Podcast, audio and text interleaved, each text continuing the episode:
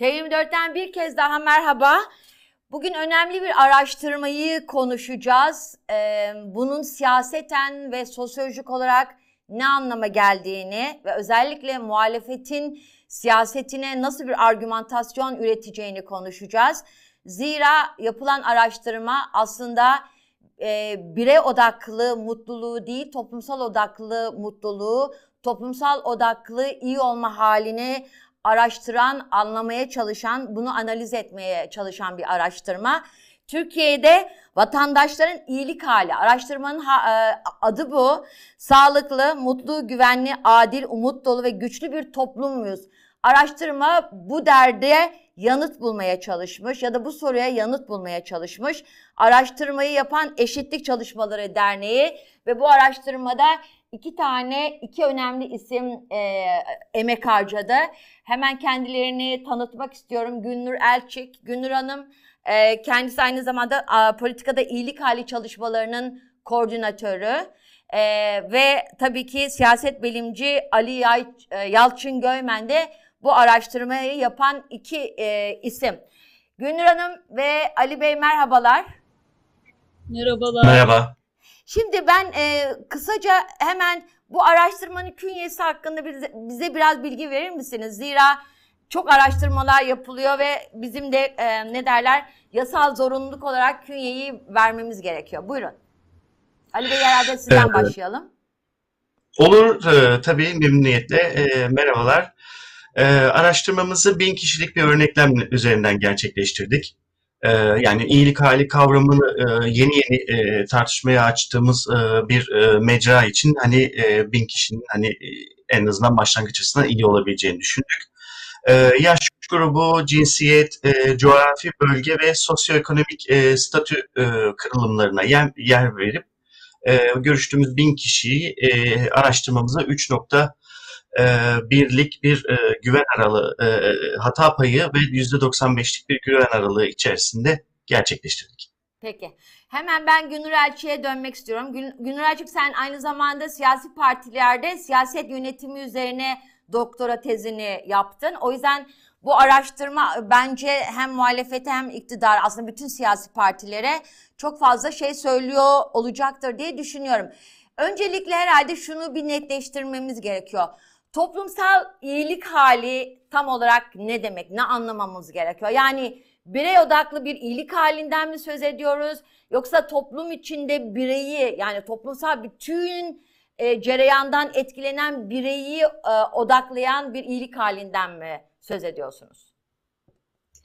Ee, iyilik hali aslında toplumsal iyilik hali hem bireylerin bireylerin e, bireysel düzeyde bir ölçüm yapılması da önemli E, ama hem bireylerin hem toplumların e, akıl, ruh ve beden sağlıklarını ve güçlenmelerini mümkün kılacak bütün unsurların birleşimi gibi düşünülebilir. E, fakat şöyle biz e, hem bireysel, toplumsal hem e, örgütsel düzeyi de e, ele alıyoruz. O örgütsel düzeyi ölçtüğümüz ayrı bir araştırma yaptık. Onu ayrı bir e, araştırmaya e, ayırdık. Fakat burada senin e, sizin söylediklerinizden yola çıkarak şunu vurgulamak önemli olabilir diye düşünüyorum. Bir kere bu Türkiye'de bu kapsamda yapılmış bir ilk araştırma. Ee, yani TÜİK'in hazırladığı yaşam memnuniyeti e, araştırmaları var ama onların e, ölçümleri e, göstergeleri çok sınırlı ve zaten artık yani TÜİK güvenilir bir kurum olarak da başvurabileceğimiz bir mecra olarak olmaktan çıktığı için bize bir bilgi vermiyor. E, OECD'nin Türkiye üzerine e, dünyayı da pek çok ülkeyi içer, içerdiği ama Türkiye'de dahil ettiği iki ölçüm aracı var. E, Better Life e, ve House Life e, diye yani daha iyi bir yaşamın koşullarına baktığı iki şey var. Ama burada da sadece durum tespitinin yapıldığı, insanlar arasındaki sosyal ilişki düzeylerinin ölçülmediği, politik bir perspektifin ortaya konulmadığı yani örneğin e, bu iyilik halini mümkün kılan ve kılmayan koşulların oradaki ekonomik ve politik rejimle ilişkisinin çözümlenmediği bir perspektifi e, görüyoruz.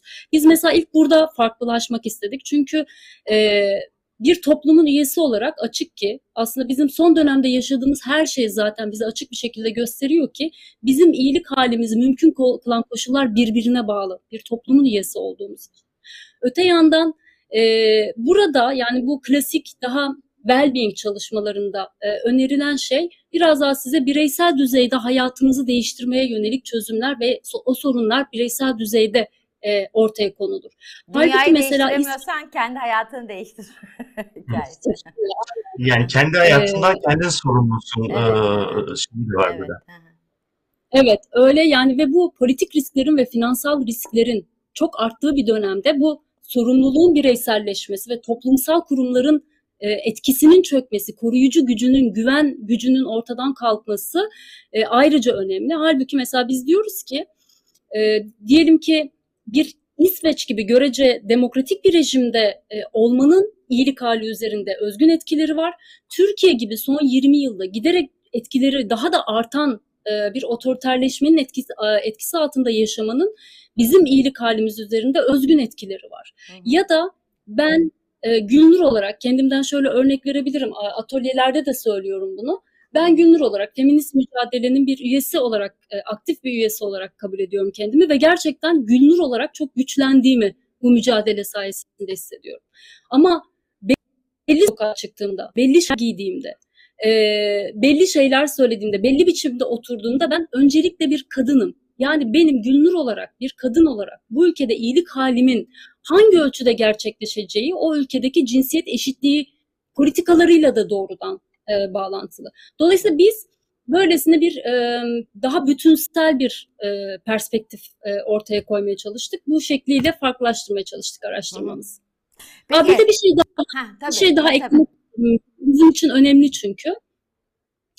Ee, bir de bu çalışmalarda şunu çok sık görüyoruz. Yani bir tür politikaya mesafelenmek iyilik halinin koşulu gibi. Yani politika sizi mutsuz eder, politikleşmek sizi mutsuz eder. O yüzden iyilik halini aslında neredeyse bir anti politik, politika karşıtı bir tutum üzerinden önerildiğini görüyoruz.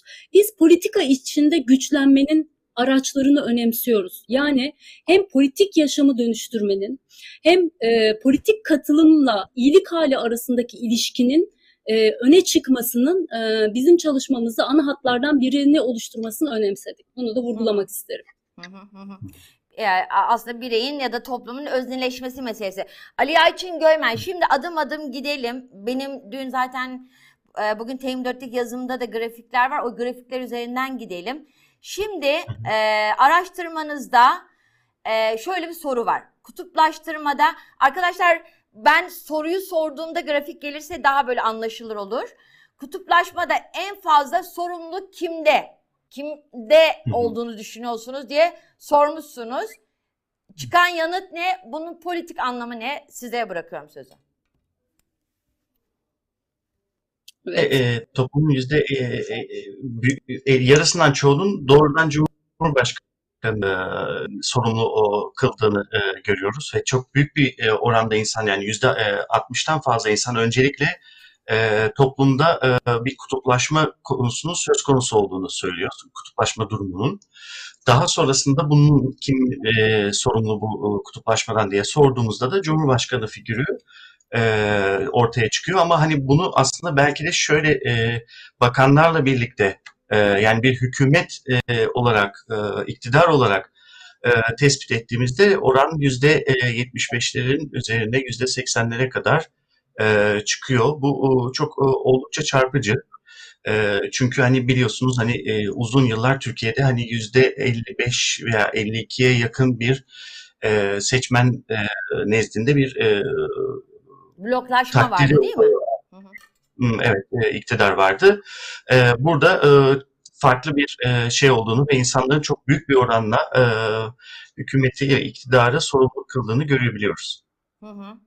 Peki e, yine araştırmada bana çarpıcı gelen noktalardan bir tanesi herhalde e, ideolojik ya da dünya görüşü olarak kendinizi nasıl tanımlarsınız diye sorduğunuzda herhalde yüzde 53'e yakın bir e, oran kendisine milliyetçi muhafazakar tarif ediyor. Yani e, daha dindar tarif edenler de var yüzde 20 oranında ama milliyetçi muhafazakar oran yüzde 54 ve bunlar ee, aynı zamanda bu kutuplaşmada Cumhurbaşkanı'nın sorumlu olduğuna e, beyan edenin bu kadar ağırlıkta bir küme olması ne anlamaya ge- geliyor Gülnur Hanım? özellikle siyaseten, reel, reel siyaset anlamında ne söylüyor bize topluma? Yani aslında bu verdiğiniz veri şu açıdan önemli. Bütün bir e, raporun e, zeminini oluşturan verilerden bir tanesi bu. Biz tabii kendi çalışmamızın kendisi e, doğrudan e, solu geri ilerici, sağı gerici olarak varsaymamaktan hareket ediyor. Yani çünkü işte bir takım tutumlarda e, kendini solda tarif eden insanların da son derece tutucu perspektifler geliştirebildiğini biliyoruz ama bir sahte denklik de kurmamak önemli. Yani elbette solun iyilik haline bakıldığında çok daha önde e, yani daha e, tüm toplumsal refaha yansıyan bir takım etkilerin olduğunu söylemek mümkün. Bu şu açıdan önemli. E, birincisi bu alanda yapılan daha akademik nitelikli sınırlı sayıdaki çalışmaya baktığımızda önümüze bizim araştırmamızın da doğruladığı çok önemli bir şey çıkıyor. E, otoriter rejimlerde kendini otoriter rejime yakın e, ideolojik konumlarda tarif eden seçmenlerin dahi iyilik halinin gerçekleştirilmediğini görüyoruz. Kendini mutlu, iyi, umutlu, güvende hissetmiyorlar. Otoriter rejimlerde yaşayan ve kendini bu rejimlere, otoriter figürlere yakın olarak konumlandıranlar dahi. Fakat görece demokrat yani Türkiye dünyadaki güncel haliyle sosyal demokrat rejimlerin olduğu ülkelerde bütün bir toplum, ona muhalif olanlar dahi iyilik halinin temel koşullarından faydalanabiliyor.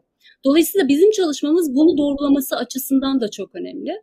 E, doğrudan araştırmaya odaklandığımızda ise ben bu veriyi şu açıdan çok, e, bununla birlikte birkaç veriyi birazdan konuşacağız, çok çarpıcı buldum.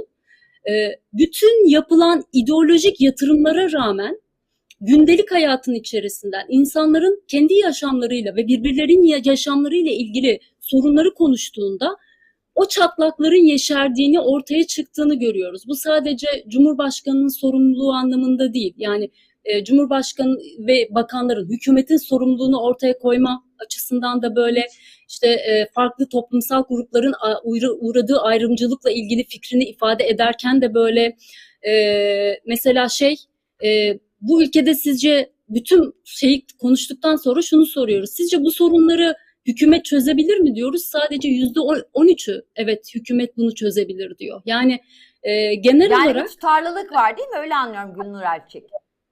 Tabii tabii Hı-hı. tabii. Hı-hı.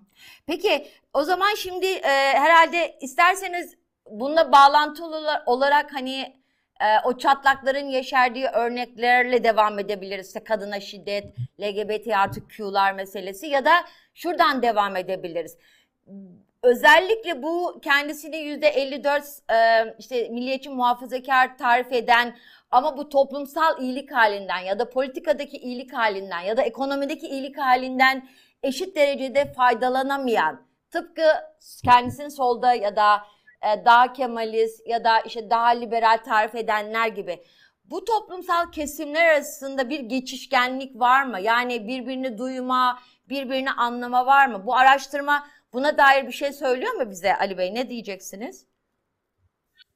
Ya aslında bakarsanız zaten bu o, milliyetçiliğin e, kendisini milliyetçi olarak tanımlayanların %55 oranını bulması ve bunun yanında da %15'e yakın kişinin kendisini ulusalcı olarak e, da tanımlıyor olması e, bize zaten biraz da şeyi gösteriyor. Bir tür e, Türkiye'deki o yaygın e, sağ seçmen kitlesi içerisinde belirli bir tepkiselliğe dayanan maalesef demokratik güçlerin bu tepkiselliği kendisine doğru kanalize etmeyi başaramamış olduğu bir akış var.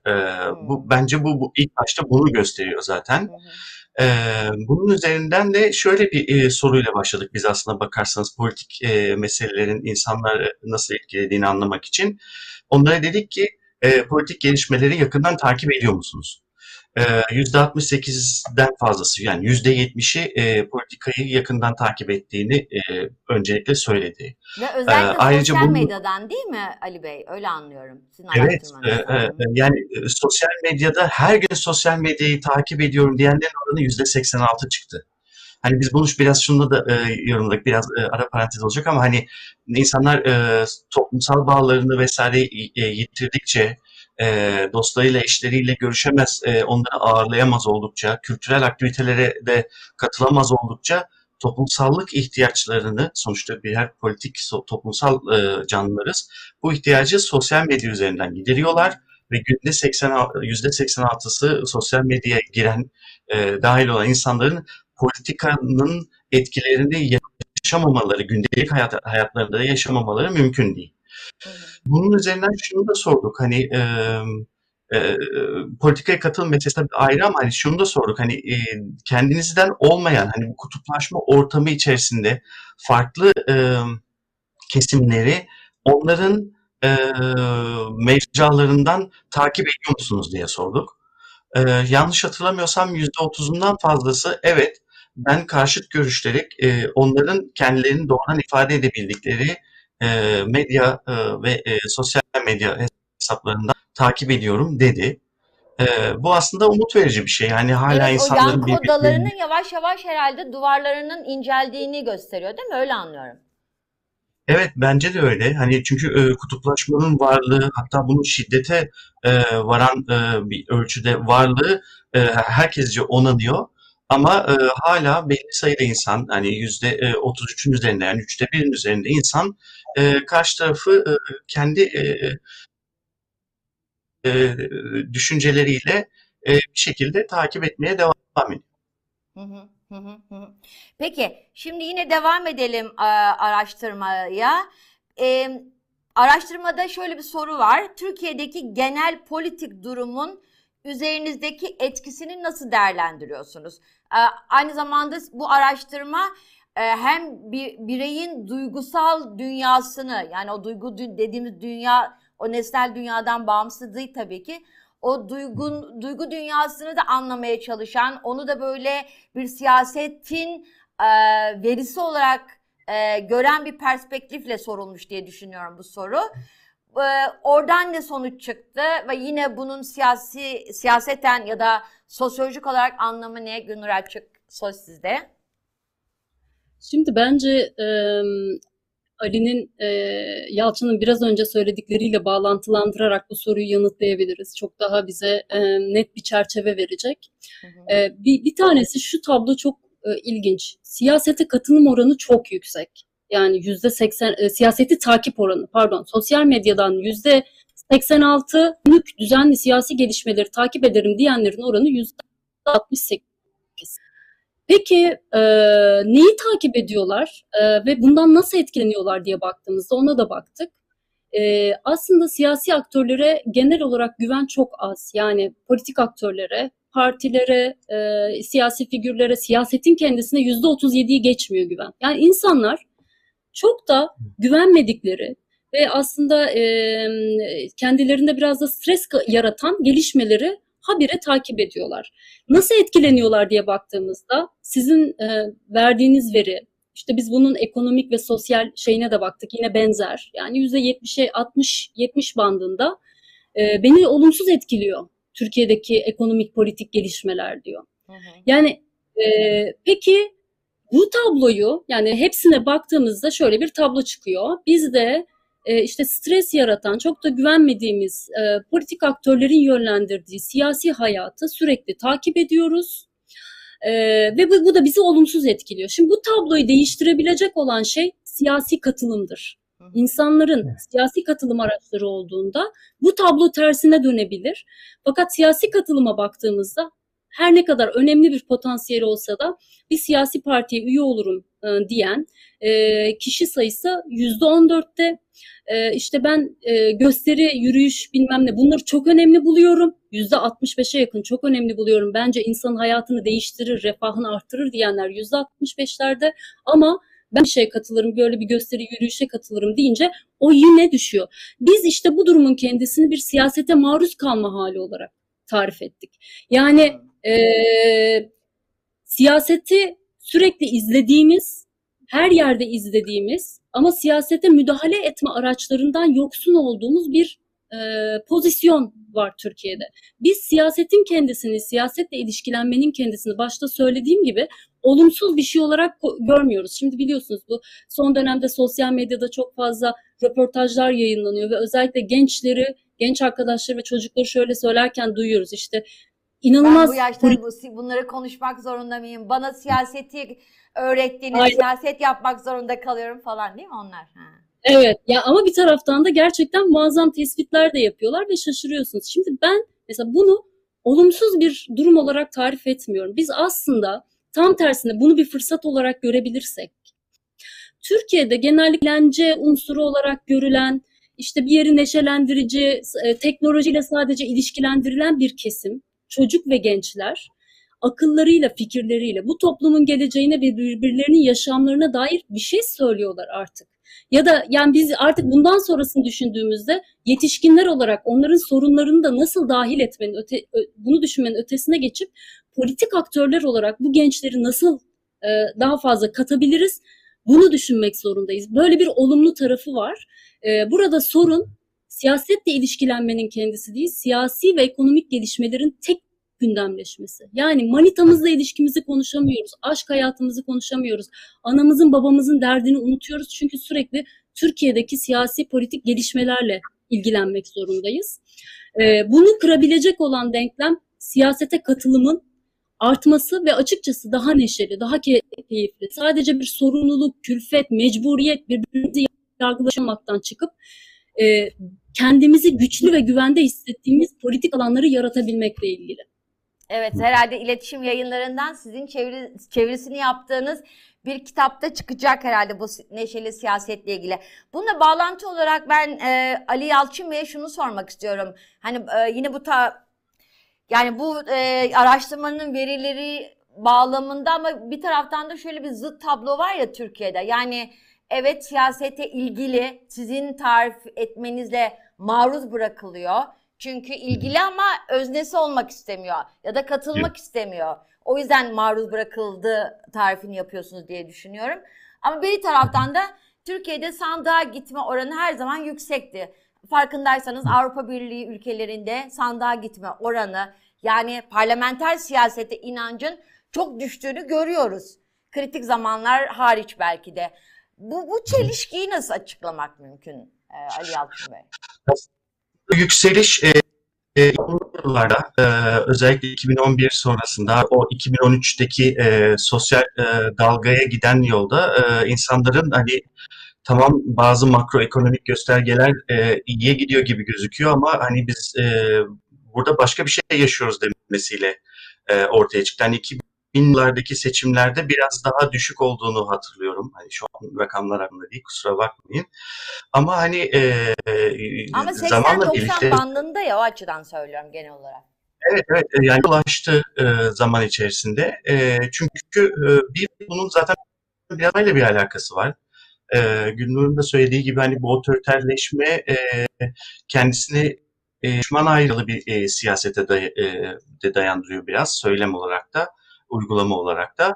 E, bunun yarattığı işte karşılıklı olarak e, kutupların böyle içlerinde konsolide olması e, durumu söz konusu oluyor ve bunlar e, yani iyi bir şey tabii ki kendilerini politik alanda, e, temsil alanında hala bir e, umut e, olduğunu düşünüyorlar. Bir şeyleri değiştirebileceklerine inanıyorlar ve bu, bu nedenle e, biz %90'lara e, yaklaşan bir katılım seçimlere katılım e, şey yapıyoruz. Aslında burada çok felsefik de bir tartışma var. Biraz en baştan da alayım.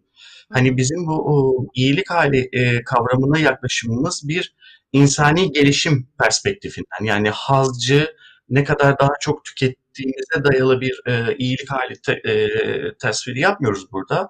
E, insani gelişime, insanların kendilerini geliştirebilmek için gereken koşulları yaratma kudretlerine bakıyoruz. O siyasete katılımı çok önemsiyoruz. O yüzden toplumsal bağları çok önemsiyoruz.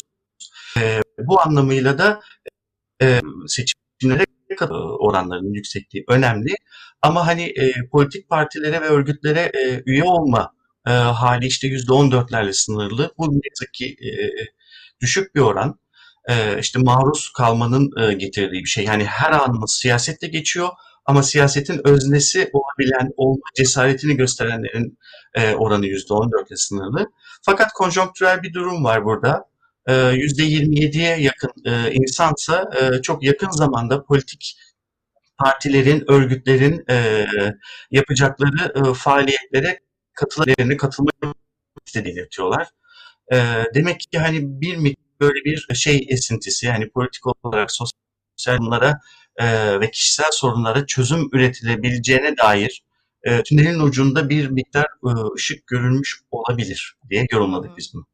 Yine e, biliyor hani Türkiye'de özellikle hani günde en az bir, iki, bazen üç kadının öldürüldüğü kadın cinayetleri meselesinin tam da kadın alanındaki kazanımların aşındırılması ile çok ilgili, erkekliğin güçlendirilmesi ve kışkırtılması ile ilgili olduğu çok açık. Buna rağmen yani bu kadar toplumsal alanda kadınlara şiddetin her düzeyde şiddetin bu kadar arttığı bir gerçeklikte araştırmanızda şöyle bir sonuç var. Toplumun e, kahir eksiri, ekseriyeti diyor ki kadına yönelik şiddet arttı. Bununla ilgili ne diyeceksin Gönül Elçik? Şimdi bir kere bir genel şiddetin artışını tespit ediyor e, katılımcılar. Bu çok önemli. %86 genel olarak şiddet arttı diyor. Bunun zeminine de kadına yönelik erkek şiddetini e, koyuyor. %82'si kadına yönelik erkek şiddeti e, arttı diyor. Fakat burada çok çarpıcı olan şeylerden bir tanesi bunun nedenlerini sorduğumuzda iki sebep öne çıkıyor. Bir tanesi diyor ki erkek kadını malı olarak malı görüyor çünkü. Yani. Aynen bu bu yüzden koyduk. Erkek kadını malı olarak görüyor. Ee, ikincisi de çünkü hükümet, çünkü iktidar tam e, ifade böyle kadına yönelik şiddeti kışkırtıyor. Onu cesaretlendiriyor diyor. Şimdi bu e, bunu bu veriyi bizim e, LGBT'yi e, artılara yönelik diğer verimizle birlikte düşündüğümüzde. Evet aynen. Onunla ilgili de istersen bilgi ver Günnur Elçik. Oradaki rakamlar da çok çarpıcı. Gerçekten umutvari öyle diyeyim. evet. Şimdi or orada da bence çarpıcı olan şey şu.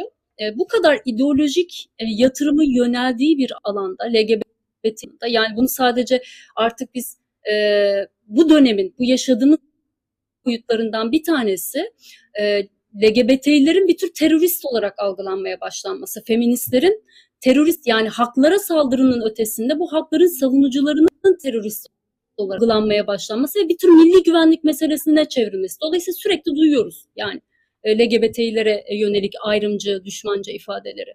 Buna rağmen sorduğumuzda çok genel oradaki soruları özetleyerek şunu söyleyeyim. E, Türkiye'de LGBT'lere haksızlık yapıldığını düşünüyor musunuz? Şimdi orada kararsız yani fikrim yok diyen e, yüzde yüksek. Ama bence bunun kendisi dahi çok kıymetli. Bu kadar yatırımın yapıldığı bir e, ülkede e, katılımcıların ağız birliği yaparak e, hayır yapılmıyor diyememiş olması çok önemli bir şey. Sadece yüzde 28 bunu söylüyor. Şimdi kadına yönelik şiddet verisiyle birlikte e, bu verinin bize sunduğu iki tane önemli şey var. Bir tanesi toplum ayrımcılığın farklı biçimlerini olabilir ama şiddet düzeyinde bir ayrımcılığa e, propaganda yapıldığı e, noktada o düzeyde bir onay vermiyor. Bizim araştırmamız İkinci bence en önemli e, etken e, bütün baskıya rağmen e, bu kadar hedef alınmalarına rağmen e, sosyal medyayı ancak e, e, bir politik mücadele alanı olarak kullanabilmelerine rağmen Türkiye'de LGBTİ hareket ve feminist hareket politik aktör olma ve sorunlarını ifade etme anlamında çok büyük bir başarı kaydetmiş. Onu görüyoruz. Yani e, kendileriyle ilişkilendirilen ideolojik eğilimlerin ötesinde bir etki yaratabilmiş. Bu da politik aktör olmanın e, yaşanan her şeyden bağımsız olarak ne kadar önemli bir etkisi olduğunu e, ortaya koyuyor. Burada diğer araştırmadan küçük bir şey söylemek istiyorum. Önemli e, gibi geliyor bana. Şimdi bu çalışmada partilere güven çok düşük çıktı.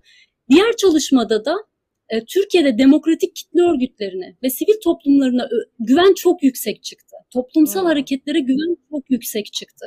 Yani yüzde seksenlerin üzerinde evet ben buna güveniyorum e, dedi insanlar. E, bu şu açıdan önemli. Bir yani aslında toplumsal hareketlerin Türkiye'de politik mücadelenin görünmeyen taşıyıcısı olduğunu görüyoruz. Biraz değiştiğimizde de feminist hareket ve LGBTİ hareketinin bu toplumsal muhalefet içerisinde bir tür öncü, motive edici, moral verici aktör olarak orada durduğunu görüyoruz. İki veriyi birlikte okur. okur.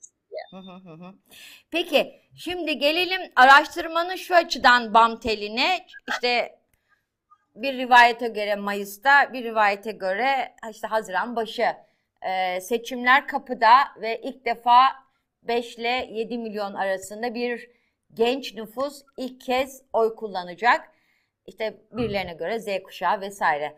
Z kuşağı e, ne derler? E, toptancılığına düşmeden çünkü e, tek başına Z kuşağı bütün bu kuşağı anlatan bir tarif olmasa gerek. Ama o orayla ilgili bir veri var. 18 ve 24 yaş arası ki 18'ler ilk kez oy kullanacak bu seçimde. Ona dair çıkan e, veri nedir ve siyaseten bize ne söylüyor?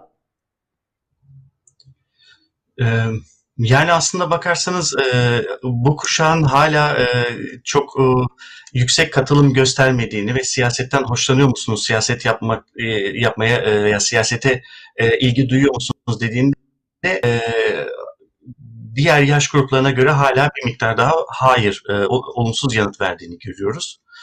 E, ama hani e, şey açısından da e, gelecek kaygısı e, gütme e, görüyoruz. E, ve bunun e, kökeni hakkında da oldukça net bir e, fikre sahiplikleri e, aşikar. E, bu, bu çalışma da bunu ortaya koyuyor.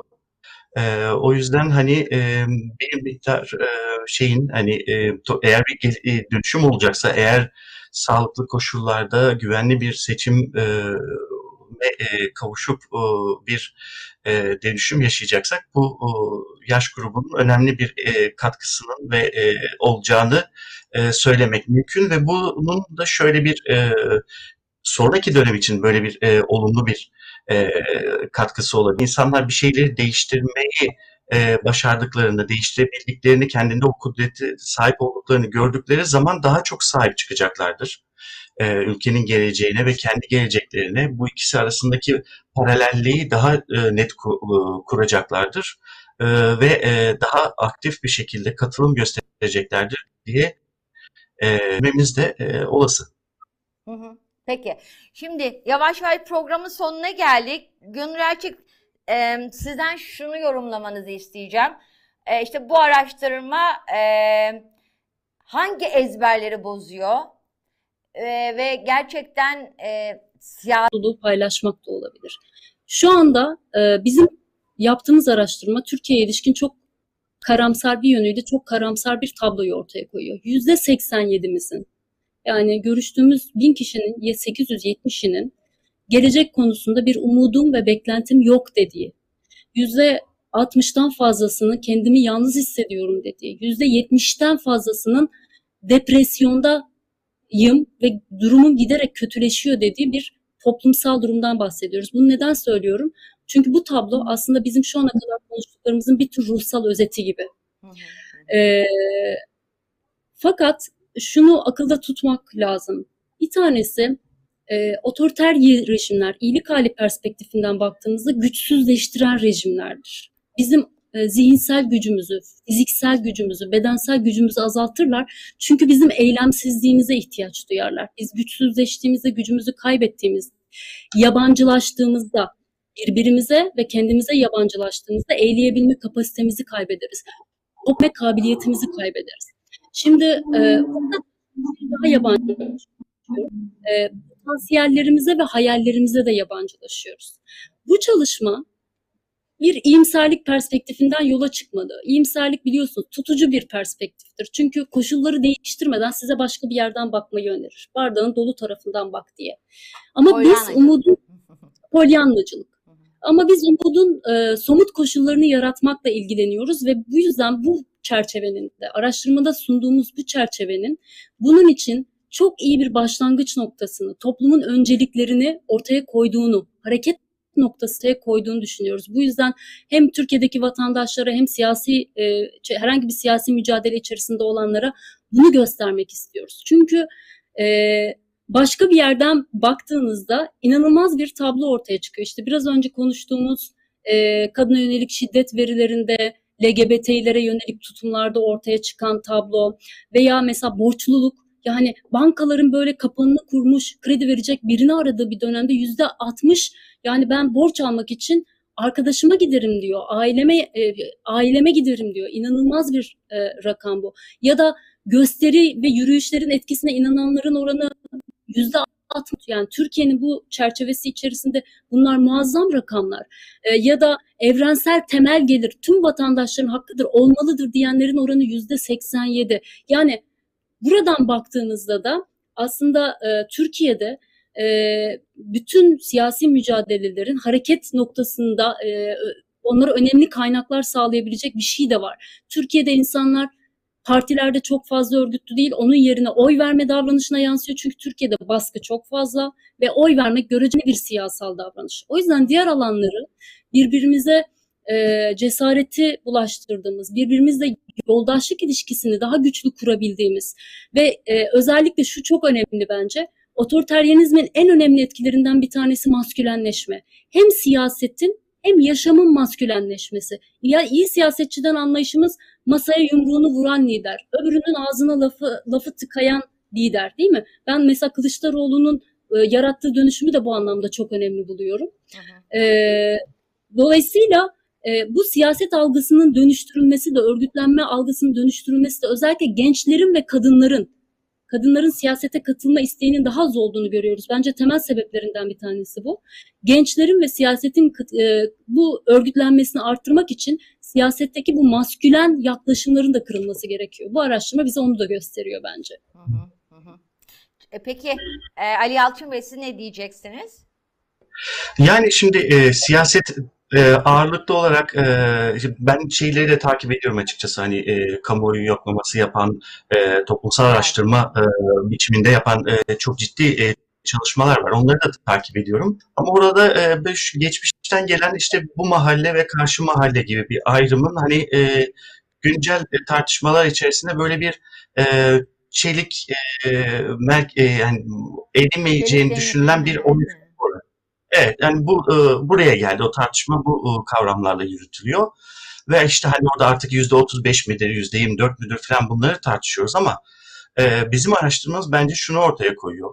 E, çok e, yani 80'e yakın soru e, aracılığıyla hem ekonomik hem toplumsal hem de politik e, meselelerin etkilerini ve e, e, iyilik halinde etkilerini sorduğumuzda %9 ile 13 arasında değişen insan e, miktarının, e, vatandaş miktarının sadece e, ben iyiyim, mutluyum, geleceğe de e, güvenle bakıyorum dediğini görüyoruz. Yani %87 ile 91 arasındaki e, vatandaşın e, hayır e, ben mutlu değilim, e, günden de mutlu değilim, geleceğe de olumlu bakamıyorum e, sinyalini çok net verdiğini, bunu e, çok minik e, farklılıklarla politika, ekonomi ve toplumsal e, aran, alanlardaki verilerde net bir şekilde ortaya koyduğunu görüyoruz.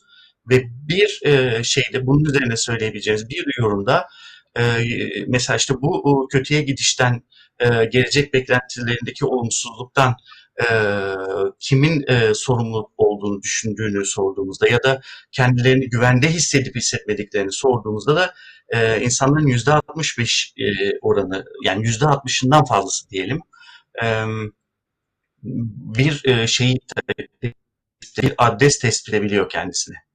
E, bu, bu gelecek adına bir e, dönüşüm beklentisi içerisinde olmak açısından hani e, e, ortaklaşması ve e, bunun e, sorumlusunun e, tespit edilmesi açısından belirli bir aşamanın eşiğin geçilmiş olduğunu bence bize gösteriyor. Evet, herhalde bence de bu araştırmayı en e, ne derler farklı kılan noktalardan bir tanesi de o toplumsal kesimler arasında sınıfsal olabilir, ideolojik olabilir, işte inanç bağlamında olabilir, cinsiyet, cinsel yönelim falan. Bütün bu bağlamdaki o geçişkenliğin artık daha mümkün olduğunu gösteren çok fazla veri var. Herhalde bu açıdan e, e, fark yaratan bir araştırma. Gönül Elçik çok teşekkür ediyorum. Politikada iyilik hali çalışmaları koordinatörü. Siyaset bilimci Ali Yalçın Görmen çok teşekkürler. Ee, bu araştırmalar herhalde devam edecek değil mi? Evet, evet mutlaka Seçimlere devam doğru edeceğiz. belki de daha da sıklaşabilir. Aynen. e, belli gruplara odaklanıp e, şeye e, iyilik hali çalışmalarına devam edeceğiz. Aynı zamanda bir Türkiye'de iyilik hali platformu oluşturduk. Politikada iyilik hali platformu oluşturduk. E, bütün toplumsal hareketlerden e, katılımcılarla biraz daha e, siyaseti nasıl iyilik halini gözeten bir noktaya çevirebiliriz bunu e, tartışıyoruz birlikte, değerlendiriyoruz. Evet bu da e, önemli bir yeni bilgi oldu. Çok çok teşekkürler. Başka bir yayında, başka bir ara- araştırmada buluşmak üzere diyelim şimdilik. Evet 24 takipçileri bugün biraz farklı perspektiften e, hazırlanan ve sonuçları itibariyle e, sonuçlarının da o farklı bir perspektiften okunduğu Türkiye'de vatandaşların iyilik hali araştırmasını konuştuk e, toplumdaki geçişkenliğin, daha doğrusu toplumdaki farklı kesimlerin kendi arasındaki geçişkenliğin, birbirini duyma halinin daha mümkün olduğu verileri e, bu araştırmaya ortaya koyuyor. Her ne kadar geleceğe dair umut çok da e, yüksek olmasa da. Başka bir yayında görüşmek üzere. Hoş kalın, hoşça kalın. T24'te kalın. Tabii ki YouTube kanalımıza abone olmayı unutmayın. Zira bağımsız bir gazetecilik sizlerin desteğiyle mümkün. Tekrardan görüşmek üzere.